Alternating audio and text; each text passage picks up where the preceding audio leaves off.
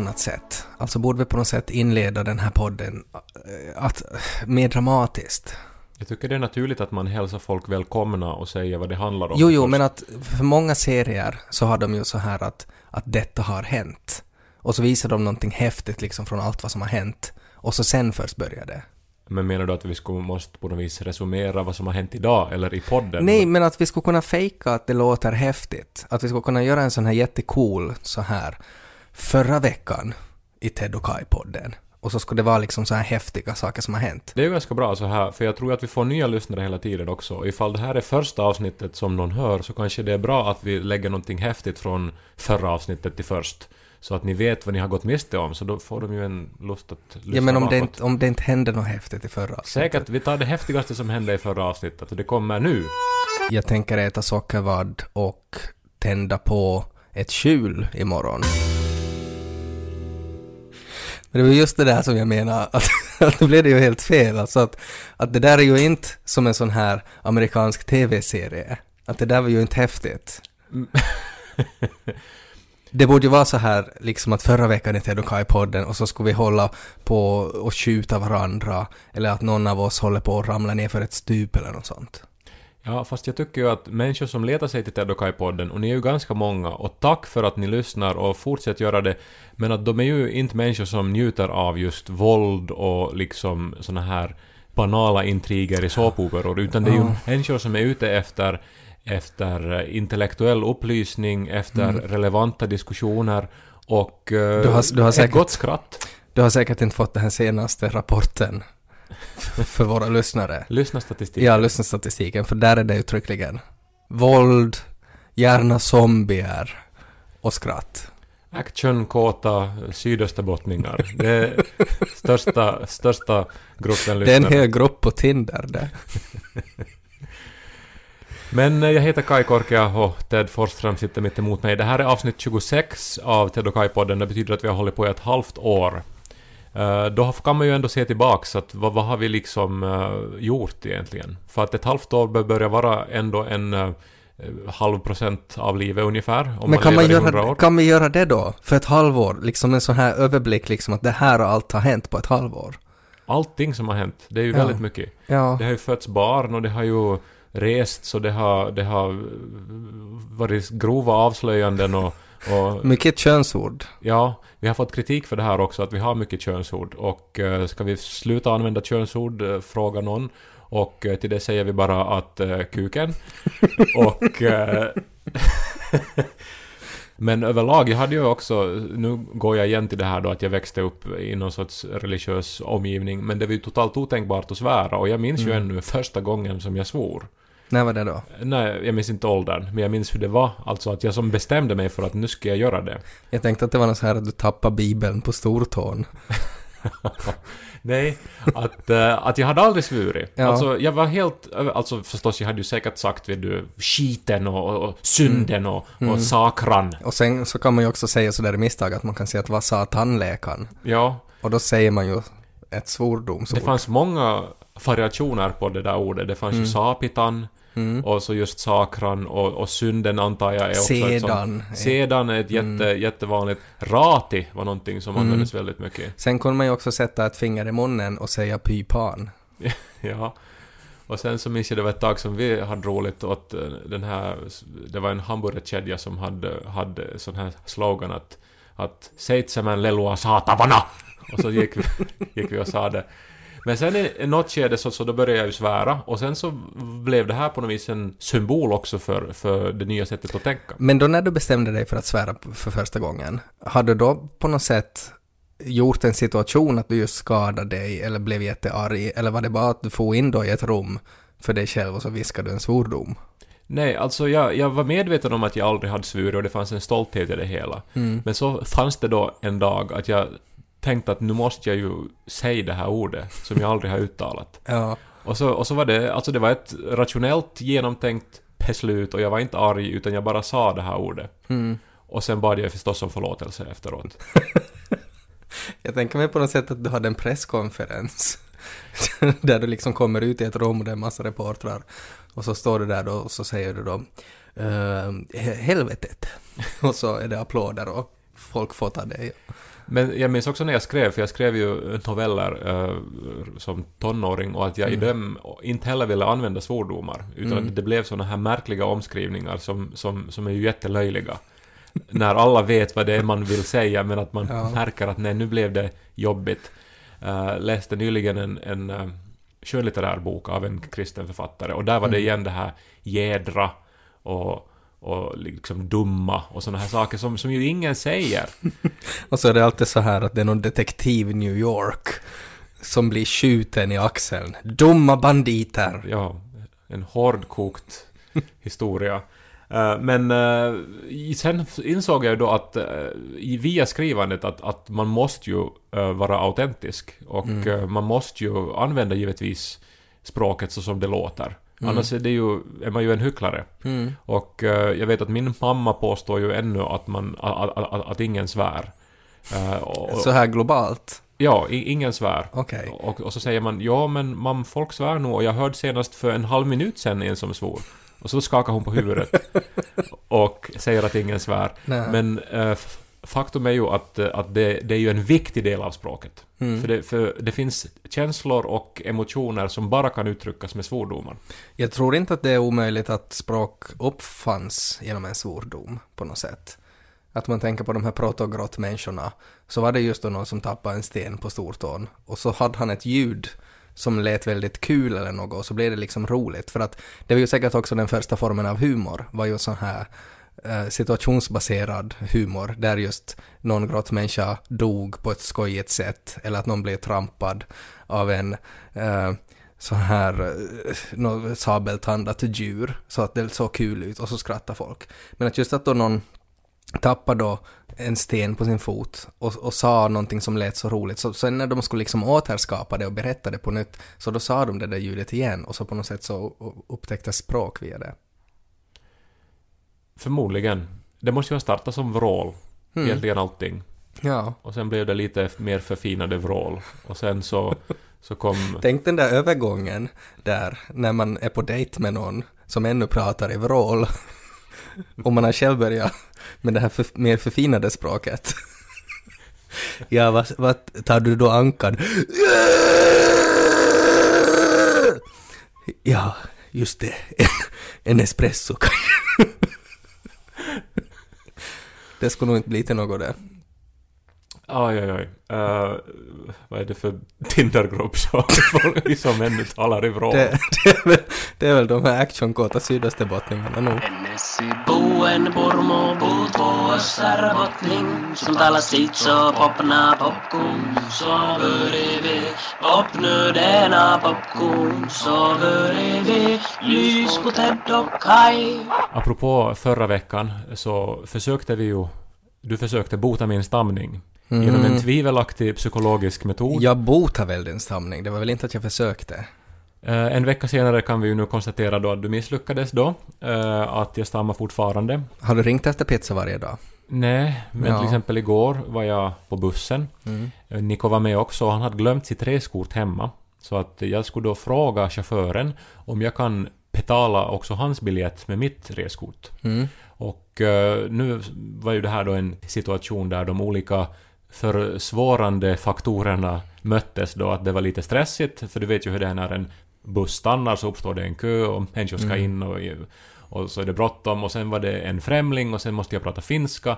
Och jag stammar ju då, så att inte ens första stavelsen kom ur mig. Så jag stod och stirrade på den här busschauffören då i kanske 7-8 sekunder, som ju kändes som en evighet. Ja. Eh, Och till sist förstås så löste knuten upp sig och jag fick ur mig då stammandes mitt ärende och han förklarade hur jag gör och sen löste sig allting. Men det är ju det här att jag satte ju mig ner tillintetgjord. Och egentligen är det ju en av de tyngsta sakerna det här med att stamma, att man eh, känner att man om och om igen förlorar sitt ansikte och sitt självförtroende. Att inte ens en sån här vardaglig sak går att göra utan problem. Nej, och sen kanske också det där att, jag menar, skulle du ha brutit benet, så då skulle ju alla ha bara tittat på liksom och varit sådär att nå, vad synd, när du liksom försöker ta dig in i bussen på 28 sekunder. Men att eftersom stamning ju inte syns, så att du ser ju helt normal ut. Uh, nu vet jag ju inte vad du hade för kläder på dig. Men att, att det var ändå inte liksom att, att det var, ingen kunde liksom förvänta sig att det skulle ta flera sekunder för dig att få sagt någonting. Exakt, man har ingen aning om vad det handlar om, så att man vet inte hur man ska förhålla sig till det. Men borde man då på något sätt, alltså som, som ett led i min stamningsbehandling, att du skulle kunna ha liksom några speciella kläder på dig, som skulle på något sätt förmedla åt alla Alltså lite som att blinda har en käpp. Ja, då. precis. Att, att, att man skulle kunna ha... Hur skulle det vara om du skulle ha läppstift då? Alltså, något så här neongrönt läppstift. För då ser ju alla att det är något med munnen som är konstigt. Att det, men, för att, men för att just det här att blinda har käpp, de kan ju också ha svarta solglasögon och då ser man ju direkt att okej, det är något med ögonen. Så att om du ska ha neongrönt läppstift, Så att, så att som, alltså, alltså det, det skulle ju vara bra nog att folk genast skulle veta att okej, Ja. här är en med stamning, nu Precis. ska jag förhålla mig eh, som till en som stammar. Alltså Ja. att eh, det här tar kanske lite längre. exakt. Och neongrön läppstift är ju väldigt tydligt nog. Ja, kanske med glitter. Och så syns det också i mörkret om man är på, I, på krogen. traf- I trafiken och stammar i mörkret. Så att om man, om man har en blind date i ett darkroom på, ett, eh, på, ett, på en bögbar. Ja, så ser man direkt ja. Nu får vi ju till ett mörkt ställe här nu men, men, men, men jag gillar den här idén. Ja, Och jag tycker det finns ju ännu större eh, orsaker för dig att, att du borde få en eh, hedersmagisters titel som logoped. För, för hur du Jag har gått utvecklar- förbi allt det här liksom med hjärnforskning och sådär med stamning, far, så här. Det finns ju piller och allt möjligt som det forskas i, men att jag tar istället liksom itu med det här största problemet, det här dolda handikappet. Och det löser jag genom neonfärgat glitter eh, som man sätter runt munnen. Är det andra sådana här handikappgruppers problem som man skulle kunna lösa med smink? om, man är, om man är på något sätt, eh, alltså alla sådana här mentala problem. Alltså om man målar de ställen på kroppen där det är ont eller där det är problem. Ja. Så om man har fel i huvudet i allmänhet. Så då ritar man bara en, ett stort rött streck liksom kring hela pannan och hjässan. Ja, och om man, är, om man är hörselskadad så skulle man kunna ha röda öron eller någonting så Mm. att folk vet att nu ska jag prata högre. Ja, Det här tycker jag inte är förnedrande, det här är ju praktiskt. Som stammare. ja. Nej, äh, ja. Äh, Men äh, en annan sak som ju skulle ha lättat upp där, eller så skulle man liksom, vet du, ha skämt på lager, för det, det är ju någonting som alltid lättar upp stämningen Men, men, men du kan ju inte prata. Nej, nej, men nej, no, det är ju förstås, men att jag skulle kunna ha med mig någon. Till exempel, nu igår hade jag ju med mig Niko. Som Att- en blind hund. Han borde ju få betalt för att gå med dig. gå i ett sånt här styvt koppel så här. En sån här sele. Mm.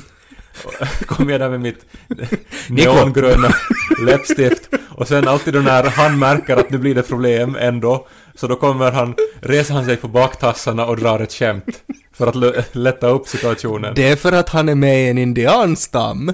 Och så sätter han en fjäder på dig. Alltså då när vi och beställer pizza då så kommer jag först och så ska jag säga och så går det inte, så då reser han sig upp och säger att du vet väl att Kai är stamkund på det här stället? Och så skrattar alla gott. Och var sådär, ja det var därför du har så här neongrönt läppstift. Jag trodde att du hade fel i huvudet. Och så är det någon annan som står där, nej det har jag, och lyfter på hatten. Det är därför jag har det här röda strecket. Oj, oj, oj. Ehm, oj, Ted och Kai-podden löser uh, sådana här praktiska Ja. svårigheter för olika samhällsgrupper. Oh. Eh, men jag satt och tänkt här innan det blev nu eh, på det här med vitsar. Mm. ehm, på ett helt annat vis. För att jag har hållit på nu i, i några veckor och jobbat med att försöka skriva vitsar. Mm. eh, skriva skämt.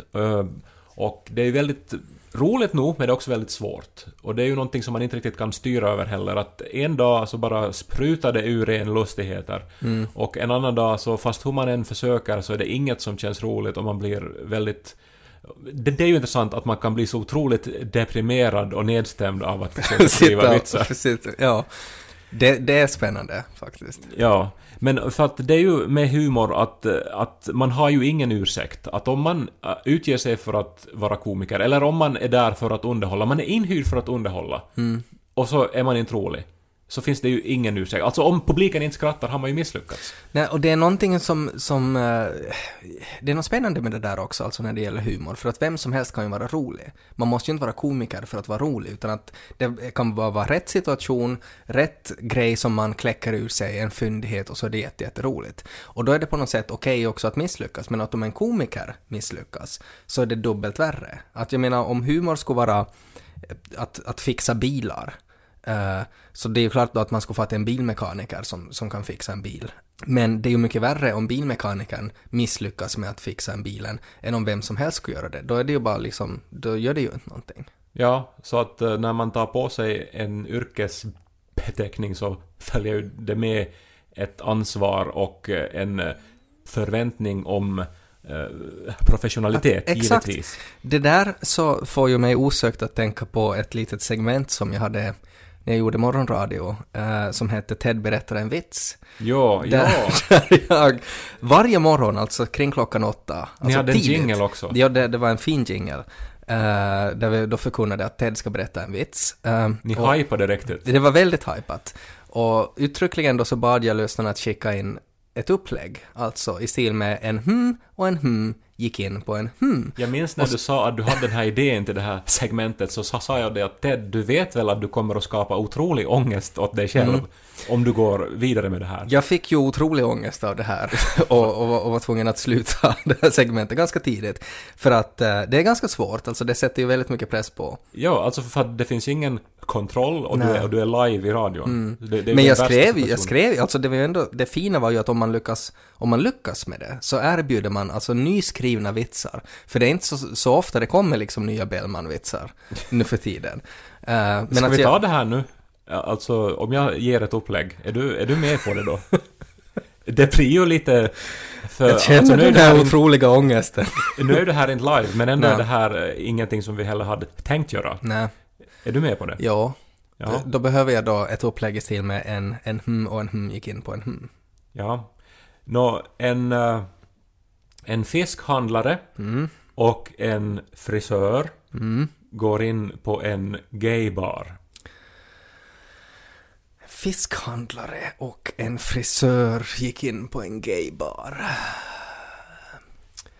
Fiskhandlaren gick fram till frisören och viskade Jag ber om ursäkt ifall mina fingrar luktar fisk. Varpå frisören sa Håll käft ditt äckliga pervo. och så var det slut. det där blev ju som till en, till en antivits nu. Ja. För att nu var man ju inställd på att det skulle bli någonting äckligt. Eh, eller någonting som lite har att göra då med eh, någonting sexuellt. Ja. Men så istället så reagerar ju frisören så som man ska göra. Ja. Alltså sa ju det man ska säga i den där Ja. situationen. Det blir ju oftast sådana vitsar. Så det roliga här var ju att det var oväntat att han gick den vägen. Mm. Men det är ju nog, eh, alltså... Det är så enkelt också när man ska gö- göra vitsar och speciellt om man ska göra dem snabbt att det, att det bara... Att man gör ett av hundra möjliga misstag. Mm. Eh, Hur professionell man än är. Jag tänker till exempel nu på eh, den här debatten som har förts kring André Wikströms tweet. Mm. Han skrev ju någonting om den här bönefrukosten som Timo Soini ordnade. Mm. Att Jesus skulle komma dit och mörda allihopa eller någonting. Ja. Och eh, det är ju inte roligt och så här och han har ju eh, blivit ombedd i alla medier som finns att kommentera det här, han har inte gjort det.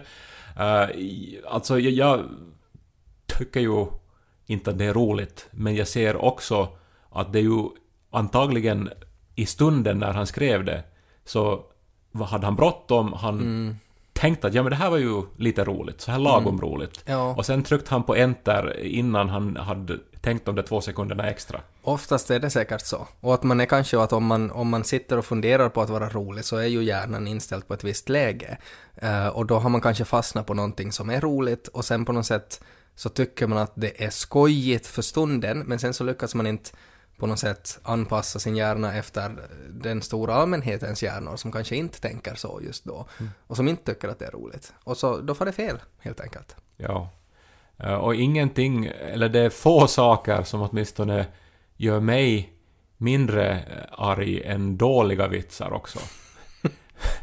Nå, Nu finns det saker som gör mig argare. Ja. Men det, alltså, ett, ett exempel är en sån här vits som jag då och då minns, som jag läste eh, för 25 år sedan måste det vara, alltså i Skrattmåsen i EOS. Mm. Och jag har aldrig glömt den här vitsen, den, den gör mig ännu så här förbluffad över hur dålig den är. Och det gör mig arg. Och att jag då och då så bara minns jag den och tänker att nej men hur, hur, hur blev det där publicerat? Nu är ju EOS då, alltså är väl en, en gratis tidning som lågstadieelever får. Den är inte gratis, men Ja. jag tror att alla som lyssnar på den här podden som är, ska vi säga, äldre än 20 har säkert en relation till EOS.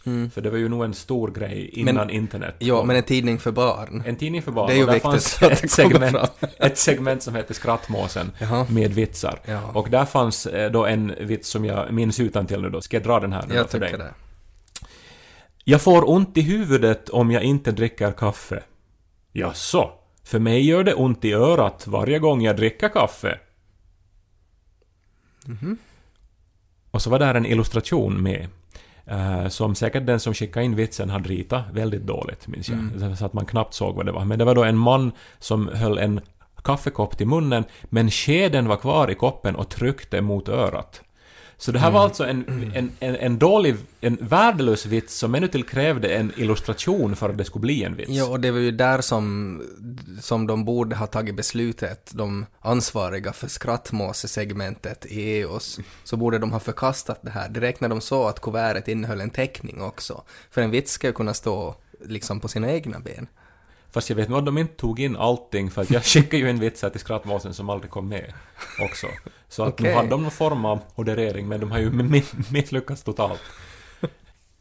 Men, men jo, alltså, alltså dåliga eh, vitsar, det är få saker som är så oförlåtliga. Mm. Och därför är det här, det är ju en riskabel eh, bransch vi rör oss i. Ja, det är det nog.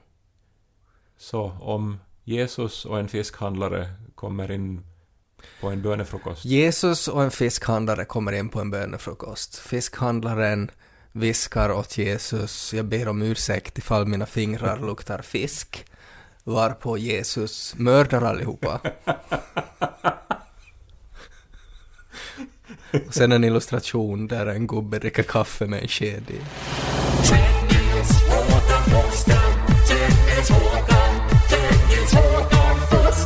vi nu har pratat om humor och eh, missförstånd så tänker jag det kanske nu ändå är dags att jag får lätta mitt hjärta gällande en sak som jag inte har vågat prata om på länge. Okej. Jag skriver ju kolumner och eh, har en Facebook-sida där jag skriver åsikter och så har jag ju den här podden där jag pratar väldigt fritt om allt möjligt. Men det finns en sak som jag har velat säga i två år och inte kunna säga. För man kan ju inte ha en kritisk åsikt om humorgruppen Kai. Man kan ju inte ställa dem till väggen i det här landet. Det finns ju ingen som är så älskad i det här landet som humorgruppen Kai. Om Eva och Martti Ahtisaari, alltså Martti, alltså vår älskade före detta president, fredspristagare, har gjort fantastiska saker ute i världen. Om han och hans underbara fru skulle stå eh, och posera med en babysäl som de just har räddat från isen i Saimen. Och skulle liksom Eva Ahtisaari skulle ännu till liksom torka bort lite olja från morrhåret från sälen. Och, och, och, och, och, och sen skulle de liksom, liksom ställas bredvid humorgruppen Kai som sjunger Hej manéskick så skulle ju humorgruppen Kai få 100% av rösterna. Ja, men de är ju så trevliga. Man kan inte, inte tycka om dem. De är unga, de är glada, checka gossar. Eller korrekt beskrivning tror jag på dem. Jag börjar nu tänka på, en, jag skrev upp en rubrik när jag var på resa i Sverige, för det var en rubrik i en kvällstidning som jag tyckte att sammanfattar Sverige på ett sätt, så jag skrev upp den. Eh, och den var så här. eh, jag blir illa berörd av rädslan för att vara kritisk mot Melodifestivalen. Mhm. Och det, det där är ju så svenskt. Eh, Ja. Men eh, humorgruppen Kai är ju vår Melodifestival. Alltså upphöjt på något sorts sån här piedestal att det här är det ultimata i underhållningsväg och det här ska allihopa älska. Men nu har, alltså det som man ju nu väntar på är ju då att vad är den här kritiken nu då? Tycker du på något sätt att de inte, att det, det Ja, är obefogat den här märker- kärleken som Svenskfinland har till humorgruppen Kaj? Du märker att jag drar mig för att säga det här Jag märker det. Mm. Men eh, det, det handlar om att eh, deras, eh, alltså största hit väl, den här Yo No Way Yo Yo You Know, Ja. som ju säkert alla som hör den här podden har hört. Mm. Så den bygger ju på e- en lögn. Och jag förstår inte att ingen annan har liksom skrivit avhandlingar om det här så mycket som den här låten ändå har diskuterats. Eh, Men alltså, det bygger på ett missförstånd. Den inleds ju med att det handlar om en man från Pensala som är 50 år. Och hela historien då är ju att han ska fara och festa i smyg.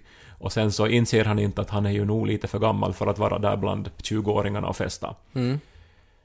Men om han är 50 år så är han ju född 1965. Mitt i liksom hippietiden. Och han har varit ung då på 80-talet. Mm. När det liksom var, var hårdrock, Metallica, vet du, eh, new wave, syntpop, alla hade bilar redan. Liksom man färgade håret i häftiga färger Ja. och hade läderjacka och åkte omkring i sin bil. Ja. Och så här, inte var man nog grävde diken då, som han påstår att han har gjort.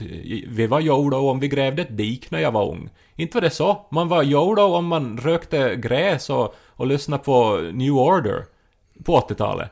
Och, Ja. och sen det här, förr var det här länsmanskansli, inte var det någon länsmanskansli på 80-talet. Det här låten bygger på missförståndet att eh, det är liksom deras farföräldrageneration som de sjunger om. Mm. Men då kan han inte vara 50 år, han, alltså han måste ju vara 90 år. Men kan de på något sätt ta bort den här låten nu då? Från... Jag tycker att det borde vara du, som när de har eh, parental advisory explicit lyrics, om Ja. det är så här svordomar. Så Ja. skulle de här kunna ha liksom logical advisory does not make sense. Logically inconsistent to history. Ja, men... Nu Ja. känns det bra att jag har fått säga det här. Gör det det? Ja. Fast jag är ju också medveten om att antagligen nu, så även om jag har rätt här nu, så, så, så är det ju jag som kommer att hatas. Och så kommer humorgruppen Kai att få ännu mer kärlek. Ja, alltså många kanske skulle, som att ett, ett kontra mot det där är ju att många kanske skulle spontant säga att det gör, vem bryr sig? Det är ju en bra låt, kanske någon tänker. Att det är väl inte så viktigt det där, att man förstår ju alla budskapet och sådär. Att det är ju liksom en humoristisk låt de har gjort, att det är ju inte... Jag tycker också att den här Patutana Kaku, Fammo vet nog om han tar kako. Hon skulle inte fråga brukar du ta kaka, hon skulle säga du brukar ta kaka. Tupata. Typa ta kaku borde den där låten heta för att make sense. Skäms! Do your homework! Fact check! Satan!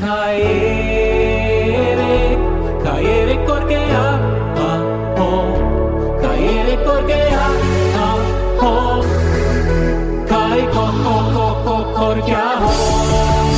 Sen är det ju roligt med saker som är ofrivilligt roliga. Som när min pappa äh, la ut en video på Facebook. Han, har, han, han är ju väldigt bra på det här, att han kan Ja. ta en video och få ut det på Facebook. Det, ja, han är väldigt underhållande tycker jag också på Facebook och han likar ofta saker på Facebook så blir jag alltid jätteglad. Mm.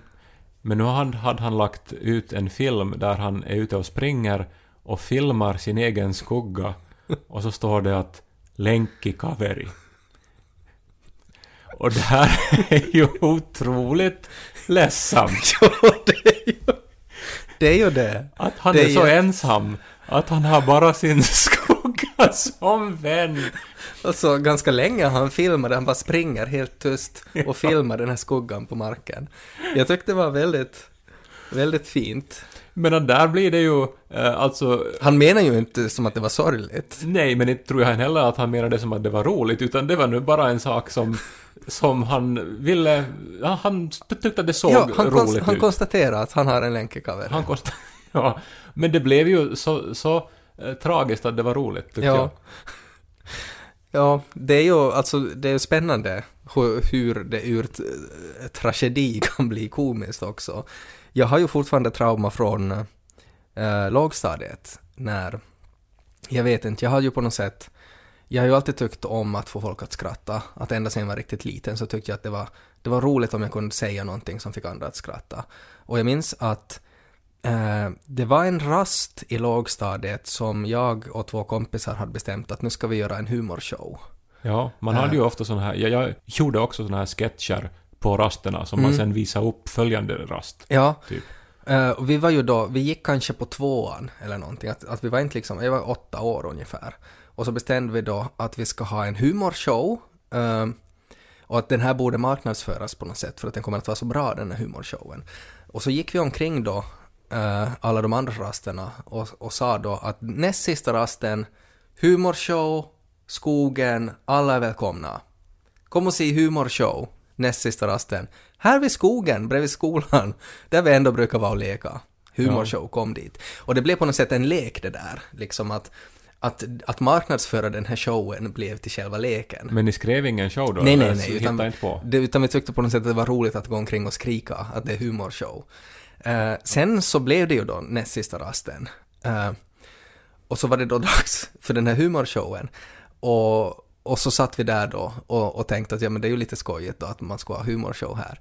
Sen kom allihopa, alltså hela lågstadiet kom dit till skogen då, näst sista rasten. Också lärare, vaktmästare, personal, alltså det var väldigt mycket folk som kom dit då till det här diket. Men det var ju en succé. En Ja, marknadsföring Den hade ju... funkat verkligen. Eh, Men vi hade ju då hållit på en hel dag och skrikit att komma och se humorshow. Så att det är ju inte... Vi var ju förvånade, men att vi var dumt att vi var förvånade. Ehm, Men att det tragiska där då som hände var att vi var ju tvungna att leverera en humorshow. Givetvis. Och det var ju inte riktigt liksom planerat att vi skulle ha det. Eh, Och jag minns då att mina Men förlåt nu, det var ju planerat att ni skulle ha det. Ni hade ju pratat om det hela dagen. Jo, vi har gjort det. och, men... och ni hade ju också farit dit. Ja, men vi hade på något sätt tänkt att det skulle nog lösa sig liksom i stundens hetta, så skulle det nog komma en humorshow, att vi hade inte liksom planerat så noggrant.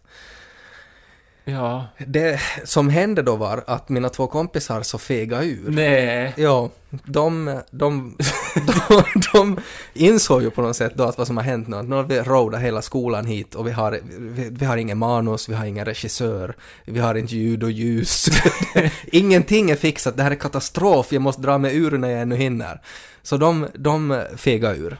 Och eh, då så, så föll det på mig då, på något sätt. Och det var intressant då för att jag liksom bestämde på något sätt då att okej, okay, att, att, att nu är det så här att jag har ordnat hit allihopa och att nu måste bli humorshow. Och jag minns att jag då äh, berättade en vits. Äh, det var den här klassiska vitsen äh, att det var två tomater som skulle gå över vägen. Ja. Och så blev den här ena tomaten överkörd och så sa den andra tomaten kom då ketchup. Ja. En vits som ju inte alls funkar på svenska, alltså det där vitsen är ju en ordvits ursprungligen. Att det, han säger ju på engelska att hej, come on, catch up. Och då Ja. är det ju liksom ketchup. Skynda dig liksom. Ja, precis. Eh, och jag minns att när jag berättade den här vitsen så kom det inte liksom skratt och applåder. Att jag var tvungen att spontant improvisera en punchline till den här vitsen eftersom den ursprungliga punchlinen inte dög. Uh, och då satt jag alltså på en käpp som jag hade spänd upp över ett dike. Och det var liksom scenen. Uh, och efter att jag hade berättat den här vitsen då och det inte hände någonting, ingen skrattade, så var det liksom några nanosekunder då jag bestämde mig att nu måste jag göra någonting. Så då liksom kastade jag mig bakåt och, och låtsades skratta så hårt att jag liksom föll i diket. Ja, men det var ju roligt. Och det funkar. Ja. Då kom det liksom att folk tyckte att det var roligt det. Men var det applåder sen efteråt Det då? kommer jag inte riktigt ihåg, för jag, det kan hända att jag fick någon sorts hjärnskakning eller någonting efteråt. Jag läste någonstans att eh, humor för riktigt små barn så är oftast att eh, saker och ting som man har blivit van med förändras och då blir det roligt. Alltså att man har lärt sig någonting och man förväntar sig någonting men sen så ändras det. Så en överraskning är lika med humor? Ja, det kan vara så att det, det är liksom den här mest basic formen av humor. Att till exempel att om, om ett barn har lärt sig det där är pappas skor. Men så, så sätter man de där skorna på barnet. Så då kan det liksom, då bara sk- vrålskrattar det. För att det är så otroligt roligt, för det är ju pappas skor. Eller om man har lärt sig att när min pappa var ung så då åkte han bil och rökte och hade läderjacka och sen får man höra att nej, han grävde diken och gick på länsmans kansli. Så är det ju jätteroligt. Du får släppa det där nu Kaj.